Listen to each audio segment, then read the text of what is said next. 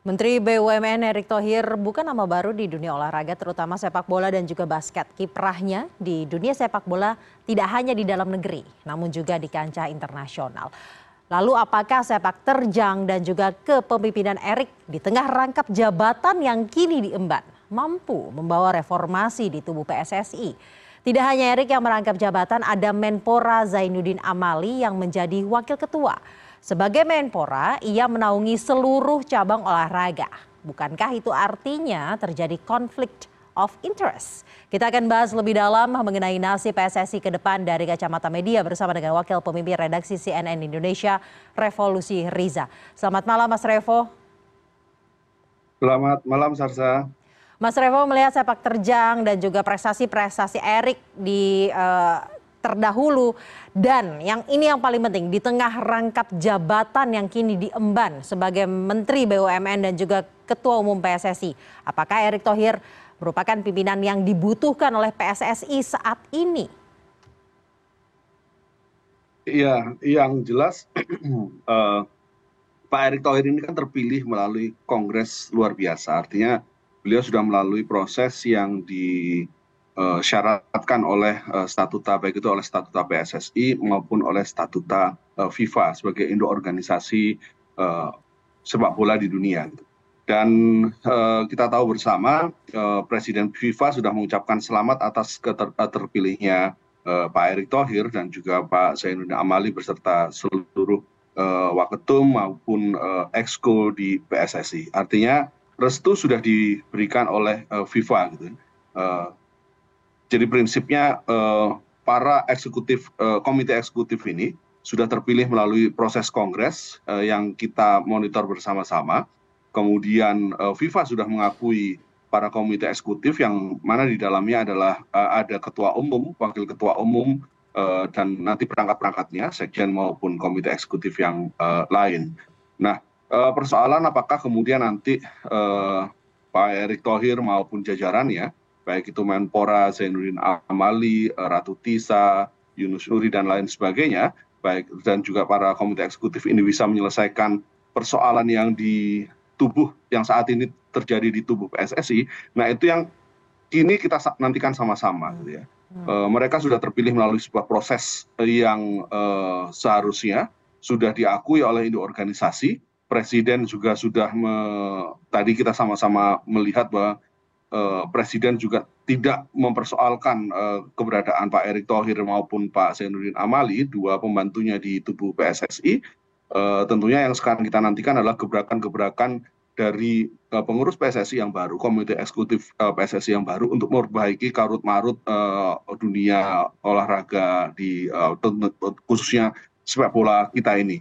Eh, sarsa. Nah ini yang tentunya harus kita sama-sama cermati bersama karena olahraga ini kan lagi olahraga sepak bola ini kan uh, kita tahu sama-sama adalah olahraga uh, terpopuler di Indonesia. Pendukungnya banyak, itu artinya yang suka banyak gitu. Setiap kali timnas bermain maupun klub-klub itu bermain, yang hadir itu banyak, antusiasmenya besar dari masyarakat. Tapi seolah-olah uh, prestasinya begitu-begitu aja. Kontroversinya jauh lebih mengedepan dibanding uh, prestasinya karena itulah kemudian mari kita sama-sama mencermati ini apakah kemudian uh, para dua menteri yang terpilih ini uh, bisa memperbaiki PSSI dan memperbaiki uh, sepak bola Indonesia di tanah air. Berbicara mengenai gebrakan, uh, apakah ada ada juga selentingan lah seperti itu ya. Ada yang ingin dibuktikan oleh Erick Thohir apakah media melihat hal itu dengan kemudian uh, menjadi ketua umum PSSI? Iya Sarsa, kita tahu kan PSSI ini induk olahraganya ini kalau bisa kita bilang ruwet ya. Hmm. Dari persoalannya itu dalam tahun 2000-an ke sinilah. Kita tidak berbicara di tahun 1900-an tapi kita bicara di zaman yang terkini misalnya PSSI itu pernah dipimpin oleh ketua umum dari balik penjara misalnya gitu ya, ya. sampai kemudian ketika uh, saat itu uh, uh, oleh Pak Nalit gitu ya Pak ketua PSSI tersangkut kasus uh, pidana uh, dugaan korupsi kemudian masuk dalam uh, penyelewengan ya penyelewengan korupsi kemudian masuk dalam uh, penjara dan pada waktu itu kemudian uh, FIFA meminta untuk memperbaiki.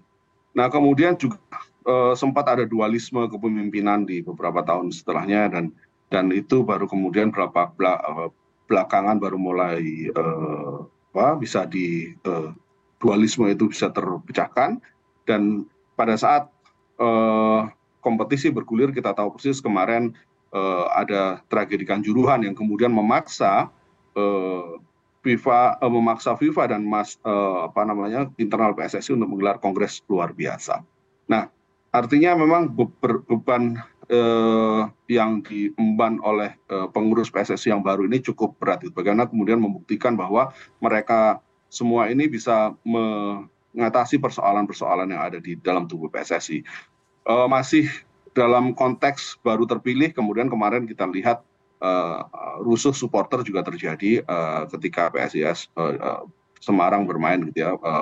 Ada ada bentrokan antara supporter dengan dengan polisi. Jadi persoalan-persoalan di level bawah bagaimana kemudian kita bisa membuat olahraga ini lebih beradab misalnya itu ya menjadi satu PR. Kemudian bagaimana juga mengatasi persoalan-persoalan yang yang sudah tadi kita saksikan bersama ketika Pak Erick Thohir Ketua Umum PSSI ini melakukan konferensi pers bagaimana memberantas mafia sepak bola misalnya.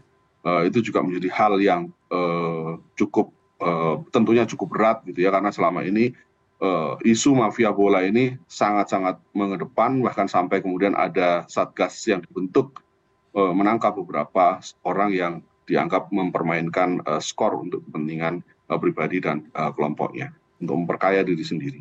Nah ini ini ini yang yang menjadi PR utama itu saja bagaimana membentuk sebuah kompetisi yang yang lebih beradab yang bisa kita saksikan layaknya kompetisi-kompetisi yang bergulir di negara maju di Eropa gitu ya yang yang orang bisa menonton sepak bola itu dengan sangat nyaman kemudian membawa kebahagiaan buat pendukung-pendukung masing-masing duduk dalam satu tribun yang sama antara pendukung supporter tuan rumah maupun yang bertandang gitu ya tanpa ada terjadi kerusuhan bahkan di Liga Inggris misalnya jarak antara tribun penonton dengan lapangan itu sangat dekat gitu ya.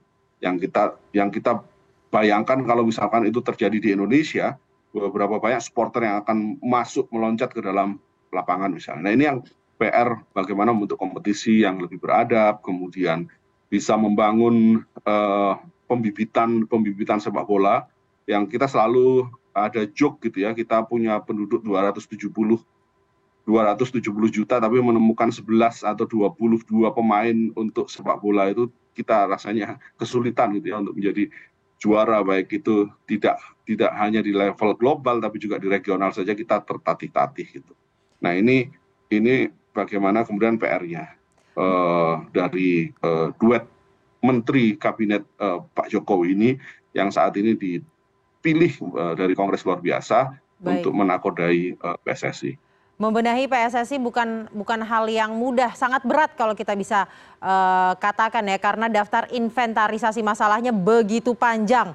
Namun uh, apakah kemudian kedua menteri ini benar-benar bisa membagi waktunya karena kalau kata Presiden Joko Widodo kan nggak masalah, yang penting bisa bagi waktu aja gitu. Apakah benar-benar bisa kita berharap banyak mereka membagi waktu untuk membenahi uh, institusi yang punya daftar inventarisasi masalah yang begitu panjang, Mas Revo? Iya, jurisprudensinya ada gitu ya, uh, presidennya ada juga gitu. Tadi Pak Jokowi juga sudah mengakui bahwa ada beberapa menteri di bawahnya pembantunya yang kemudian duduk menjadi pengurus atau memimpin pengurus pengurus besar organisasi olahraga. Ada Pak Prabowo misalnya di PB IPSI mengurusi silat, ada Pak Luhut Panjaitan mengurusi atletik, ada Pak Arla, Erlangga Hartarto mengurusi wusu, ada Pak Basuki yang mengurusi PB Dayung ya POTSI, kemudian ada juga Pak Hadi Cahyanto yang mengurusi Federasi Olahraga Karate Do Indonesia Karate. Nah mereka mereka selama ini duduk menjadi menteri dan menjalankan roda kepengurusan olahraga. Dan beberapa di antaranya juga bisa menorehkan prestasi yang cukup membanggakan gitu ya.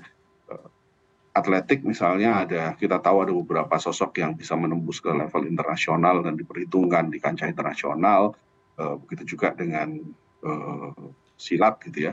Ada juga Pak Kapolri ya yang uh, apa uh, sepeda ya persatuan hmm. olahraga persatuan pengurus besar isi gitu. Uh, ikatan sepeda Indonesia itu. Nah uh, yang pasti kan memang pada akhirnya uh, regulasi uh, statuta PSSI dan uh, FIFA tidak secara tegas melarang gitu ya. Yang dilarang adalah uh, uh, ada campur tangan dari pihak ketiga itu dalam kepengurusan. Nah, apakah keduanya yang menteri ini merupakan pihak ketiga sudah sudah sudah isu tersebut sudah di sudah uh, ya terbantahkan karena pada akhirnya Eh, suara-suara delegasi dari PSSI ini memilih keduanya menjadi menakodai gitu ya menakodai PSSI. Nah yang sekarang kita lihat bagaimana kinerja ke depannya gitu. Ya. Jangan sampai kemudian gara-gara mengurusi persat, uh, pengurus besar uh, PSSI ini ya, kemudian urusan tugas kenegaraannya menjadi terhambat tuh. Nah ini yang kemudian kita harus mengawasinya sama-sama. Apakah kedua menteri ini bisa membagi waktu atau tidak? Uh, yang kita harapkan tentu pekerjaan utama sebagai di menteri itu tetap terlaksana dengan baik dan kemudian induk olahraga ini baik, Mas uh, bisa juga uh, berjalan dengan baik. Mas Revo, namun daftar menteri-menteri tersebut ini bukan sebagai menteri pemuda dan olahraga yang seharusnya bisa bukan bisa lagi, memang tugasnya untuk menaungi seluruh cabang olahraga. Kalau uh, dari catatan kami sebenarnya Menpora sebelum uh, terpilih kemarin juga sudah sadar bahwa akan terjadi konflik of interest jika rangkap jabatan dan uh, Zainuddin Amali menyebutkan bahwa memang itu tindakan yang tidak etis. Nah, bagaimana media melihat hal ini? Karena Zainuddin Amali sendiri yang sudah mengatakan hal itu sebelum terpilih dan apakah sebaiknya mundur secara terhormat atau seperti apa, Mas Revo? Nanti kita ini ya Sarza ini yang juga menjadi pertanyaan kita semua ya. Apakah kemudian eh, beliau akan mundur dari kursi kabinet atau tetap jalan gitu ya? Karena eh, memang kalau khusus untuk eh, wakil ketua umum ini eh, konflik kepentingannya menjadi sangat-sangat terasa gitu, sangat-sangat terasa karena beliau menjabat sebagai menteri olahraga dan eh, duduk sekarang terpilih menjadi ketua wakil ketua umum PSSI. Nah, eh, apakah kemudian beliau akan mundur atau enggak nanti akan kita lihat. Eh, tapi memang eh, nanti kita akan awasi sama-sama gitulah ya. Kita sebagai media tentu memiliki eh, tugas salah satunya adalah menjadi kontrol sosial gitu ya. Kontrol sosial untuk persoalan-persoalan ini. Karena jangan sampai kemudian Eh, benturan-benturan kepentingan eh, di dalam kabinet eh, dan juga organisasi-organisasi yang ada ini muncul ke permukaan. Nah, Baik. tentunya ini yang yang sekarang harus kita soroti sama-sama juga ya, Sarsa. Baik, Terima kasih Mas Revo, Wakil Pemimpin Redaksi CNN Indonesia, Revolusi Riza telah bergabung pada malam hari ini bersama kami di CNN Indonesia Prime News.